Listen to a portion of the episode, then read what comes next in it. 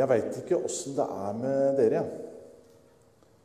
Men det hender at jeg får ganske mange spørsmål når jeg leser en liten historie i Bibelen. Det hender at jeg undrer meg litt, og så tenker jeg litt sånn utafor det som står. Eh, det er så mye som ikke sies. Og jeg kan nesten ikke lese én fortelling uten at jeg får noen sånne ekstra spørsmål. Noen av de Gud ikke besvarte gjennom Bibelen. For eksempel hva spiste, eller spiste Eva frukt etter at uh, hun hadde vært gjennom den skjebnesvangre dagen? Det lurer jeg på. Var det sånn at hun fikk helt avstand til frukt? Eller syntes hun at det var ålreit? Eller klarte Noah å sove under de der stormene som var når han var i Noahs ark? Det lurer jeg på. Og så lurer jeg på om Moses om han noen gang torde å gå i nærheten av en busk igjen. Han som opplevde den brennende busken. Og så lurer jeg på likte Jonah fisk, tru? Han som levde i fiskens buk i så mange dager. Jeg ser for meg at, eh, eller tenker at Bibelen den er nesten som et sånt stakittgjerde. Du får liksom kikka igjennom, og så ser du ikke hele bildet. Du ser liksom deler, og så må du lage deg resten av bildene. Lage en liten modell. Så skulle jeg gjerne vært til stede da, når kvinnen som var grepet i ekteskapsbrudd, og høre hennes unnskyldning til ektemannen, kanskje. Hva sa for noe? Eller den som var demonbesatt. Hva slags jobb fikk han etterpå? Han som hadde vært utsatt og utstøtt og plutselig skulle nå begynne å bidra inn i samfunnet. Og så lurer jeg på om Peter prøvde seg å gå på vann igjen. Uten at Jesus var der. Ja, Sånn kan vi ta historie etter historie, og så kan vi lure og så kan vi undre oss og så får vi ikke svara nå. Det er mange spørsmål som Bibelen ikke svarer på. Og veldig mange av mine spørsmål de er helt uvesentlige i historien om en sønn som skal fødes, og en som skal frelse oss. Men vi skal møte en av disse personene som jeg har mange spørsmål til i dag. Kjære Jesus, jeg ber deg om at du skal være sammen med oss. Takker deg for at du er her, og takker deg for at du skal hjelpe oss å gå inn i teksten om Josef nå. Amen. Nå fikk vi jo historien, men jeg har lyst til å lese den én gang til. Fra Matteus 1, vers 18-25. Med Jesu fødsel gikk det slik til. Hans mor Maria var lovet bort til Josef. Men før de var kommet sammen, viste det seg at hun var med barn med Den hellige ånd. Josef, mannen hennes, som var rettskaffen og ikke ønsket å føre skam over henne, ville da skille seg fra henne i all stillhet. Men da han hadde bestemt seg for dette, viste Herrens engel seg for dem i en drøm og sa:" Josef, Davids sønn, vær ikke redd for å ta Maria hjem til deg som din kone. For barnet som er unnfanget i henne, er av Den hellige ånd. Hun skal føde en sønn, og du skal gi ham navnet Jesus. For han skal frelse sitt folk fra deres synder. Alt dette skjedde for at ordet skulle oppfylles som Herren hadde talt gjennom profeten.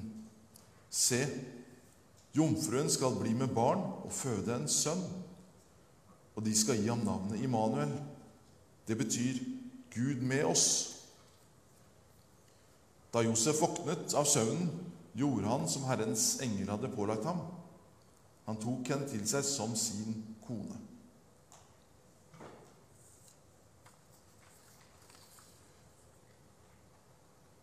Det er mange ting jeg lurer på i denne historien her òg. Det er veldig mange ting rundt Jesu fødsel og juleevangeliet som jeg lurer på. Og jeg skulle så gjerne ha stilt de spørsmåla, og kanskje fått litt mer svar i Bibelen også. Det er bare så de liksom toucher innom julens evangelium, og så er de plutselig borte igjen. Vertshuseieren. Han som ikke hadde plass til Gud, skjønte han noen gang hvem han hadde sagt nei til? Gjeterne, de som hørte den fantastiske englesangen, gikk de og nynna på den resten av livet, mon tro? Eller vismennene som fulgte stjernen. Åssen var det for dem å knele for et spedbarn? Og så Josef, da. Ja, kanskje særlig Josef. Han har jeg mange spørsmål til. Åssen var det å være pappaen til Jesus? Brøt du noen gang håndbakmenn? Hadde dere noen konkurranser? I min familie, når guttene vokste opp og ungene vokste opp, så hadde vi jo konkurranse. Vi tevla litt. Hvem er det som vant? Var det Jesus, eller var det Josef?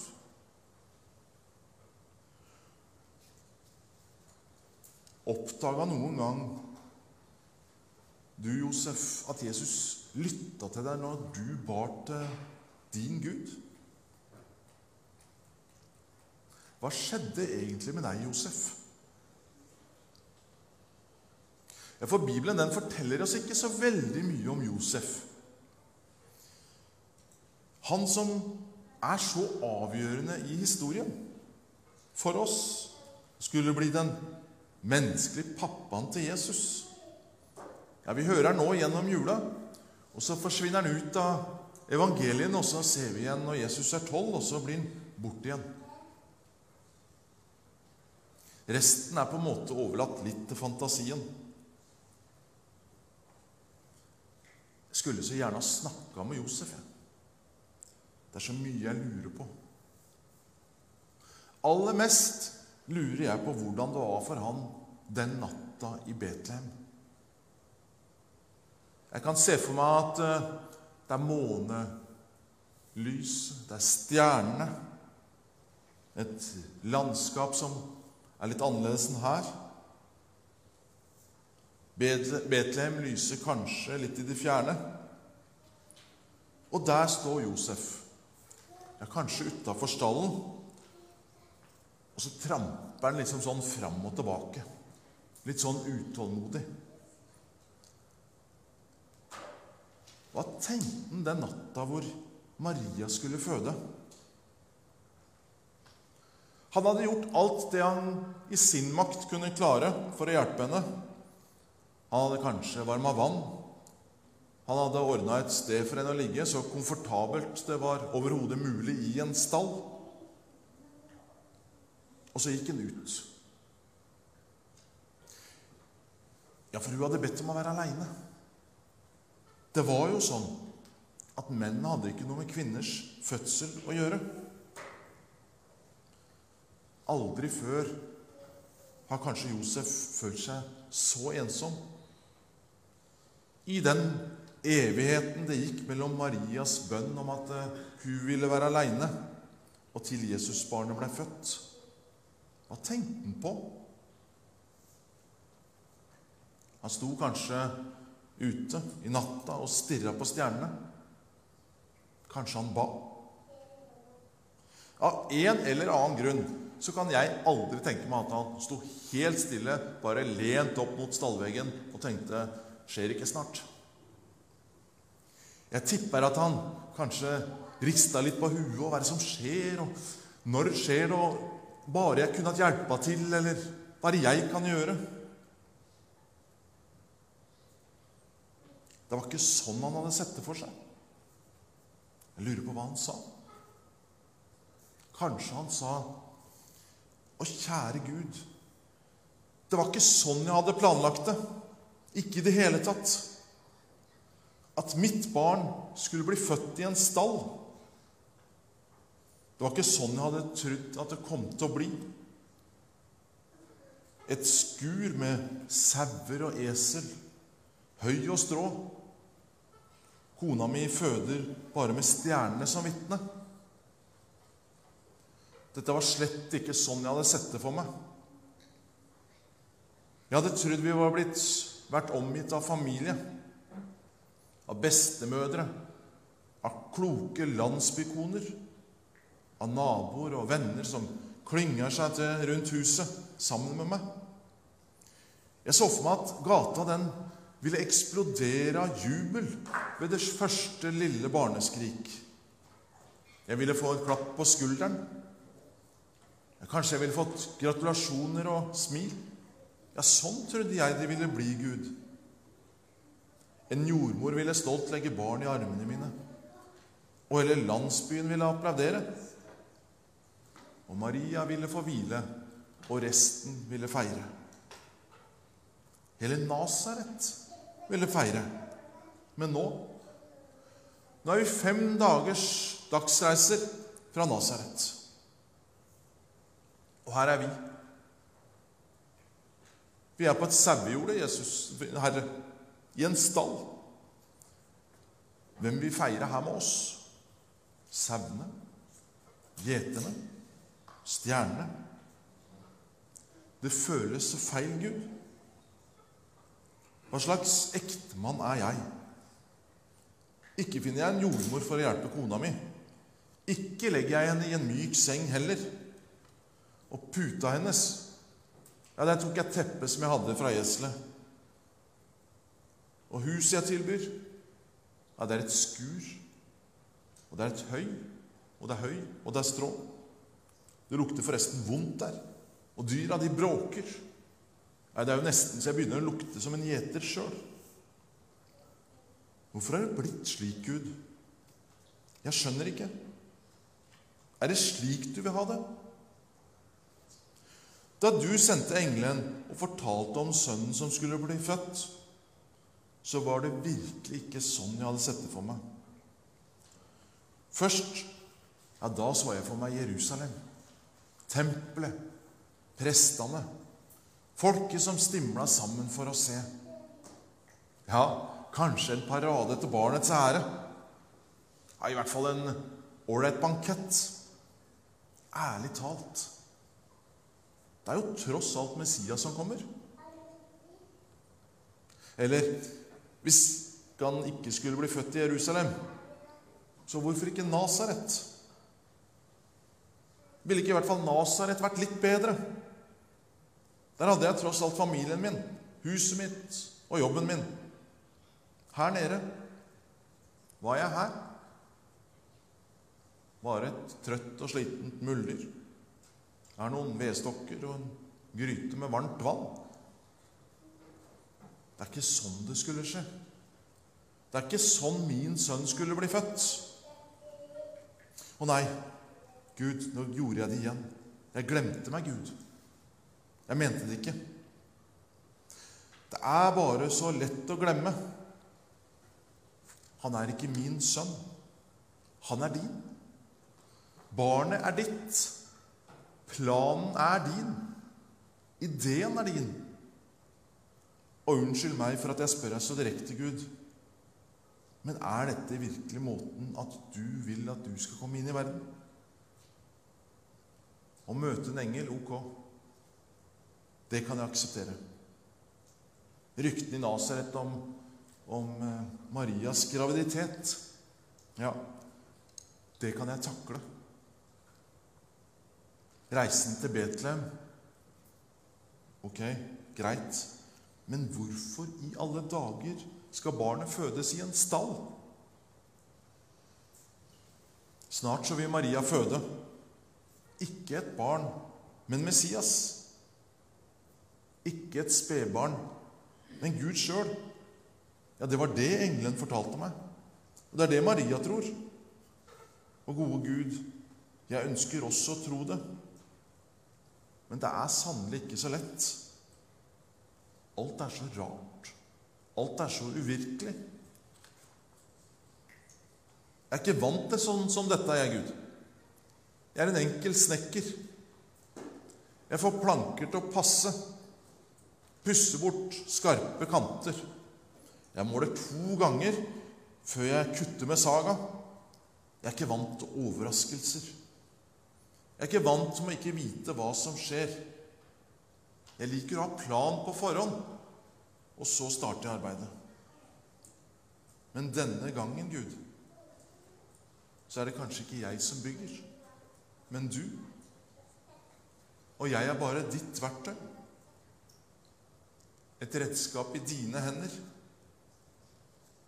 Dette prosjektet er ditt, ikke mitt.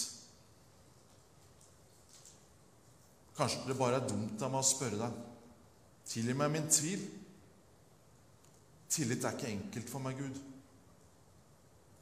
Men du sa vel aldri at det skulle bli enkelt? Og en siste ting, Gud. Husker du engelen du sendte? Du kunne ikke tenke deg å sende en til.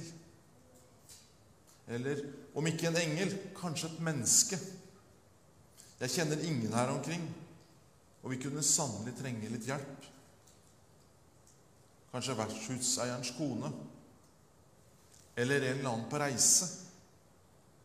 Ja, til og med gjetere ville vært velkomne nå, Gud. Ja, kanskje var det sånn Josef ba den natta. Eller kanskje ikke. Jeg veit ikke. Men jeg har prøvd å se for meg at han var en urolig sjel som sto midt oppi noe han hadde fått beskjed om skulle være spesielt. Og så kom han til en stall. Kanskje ikke Josef ba sånn. Har du? Jeg veit i hvert fall at jeg har det.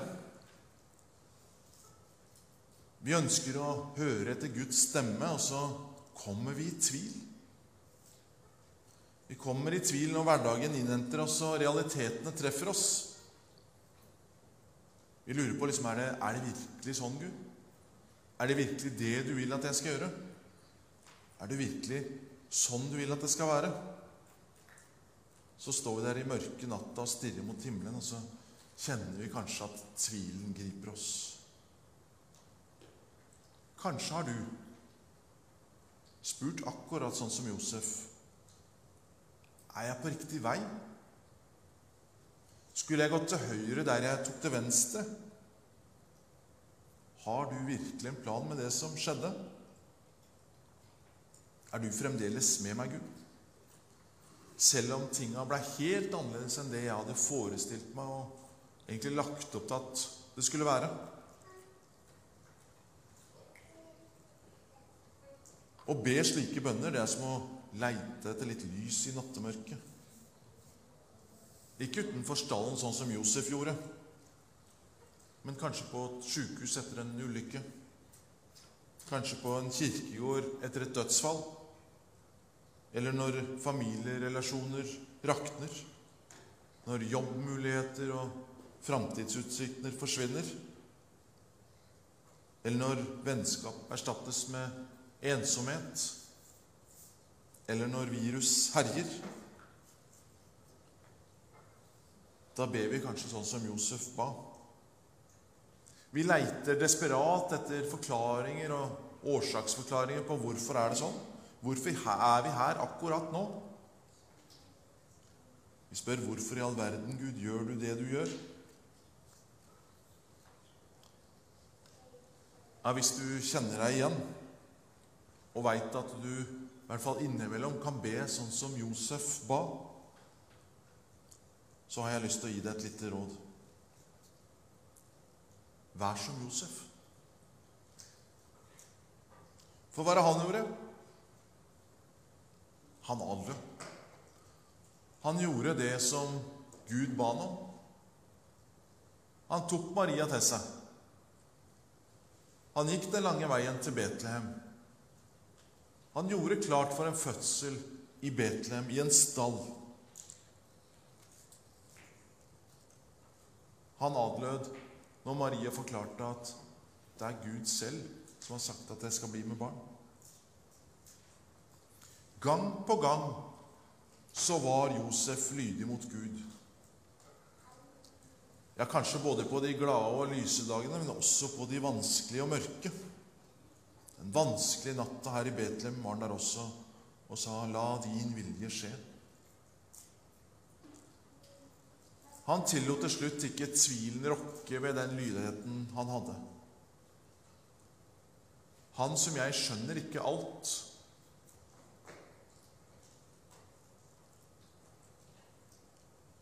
Men han gjorde det han kunne. Josef han stengte verkstedet sitt. Han. han pakket sammen familien sin, og etter hvert så dro han også til et annet land, fordi det var det Herren ba dem om. Josef var lydig mot Gud. Og så brukte han, brukte Gud Josef til å forandre hele verden. Hva med oss? Hva med deg og meg? Kan Gud gjøre det samme med oss? Ja, tru meg. Gud han leter stadig etter nye Josefer. Menn og kvinner som ønsker å være med på det Gud gjør i verden. Vanlige mennesker som stiller seg til rådighet for en uvanlig Gud. Vil du være en Josef? Vil du tjene Gud og stille deg til hans disposisjon, selv om du ikke skjønner og forstår hva som er planen? Vil du være med i Guds prosjekt og forandre verden? Josef han sto i mørket utafor stallen første julenatt. Han kjempa, men han var lydig.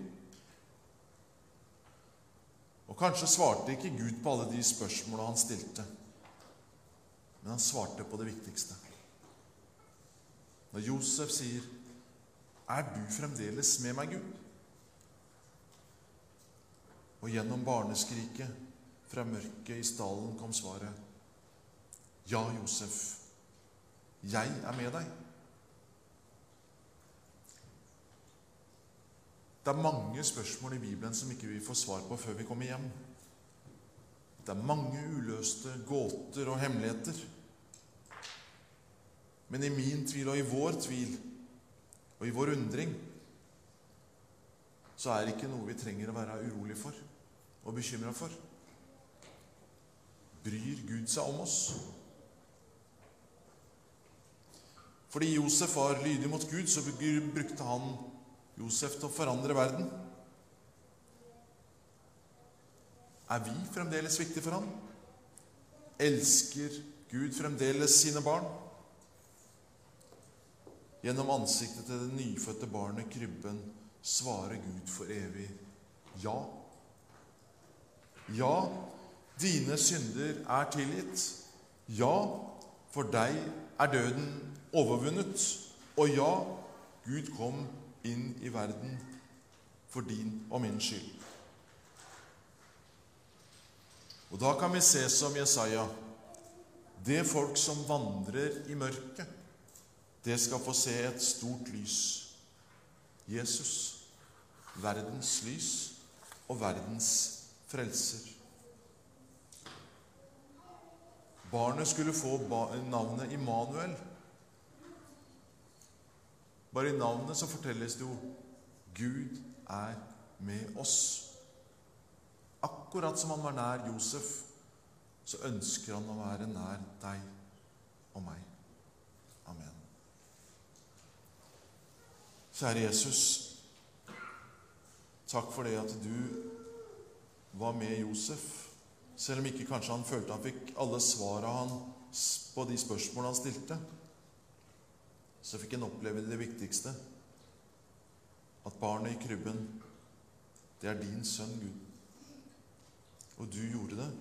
Og du var også avhengig av Josef og brukte han som et redskap og som et verktøy i din frelsesplan. Jeg ber deg om at du skal være Utruste oss og være med oss, sånn at vi kan være Josefer i dag.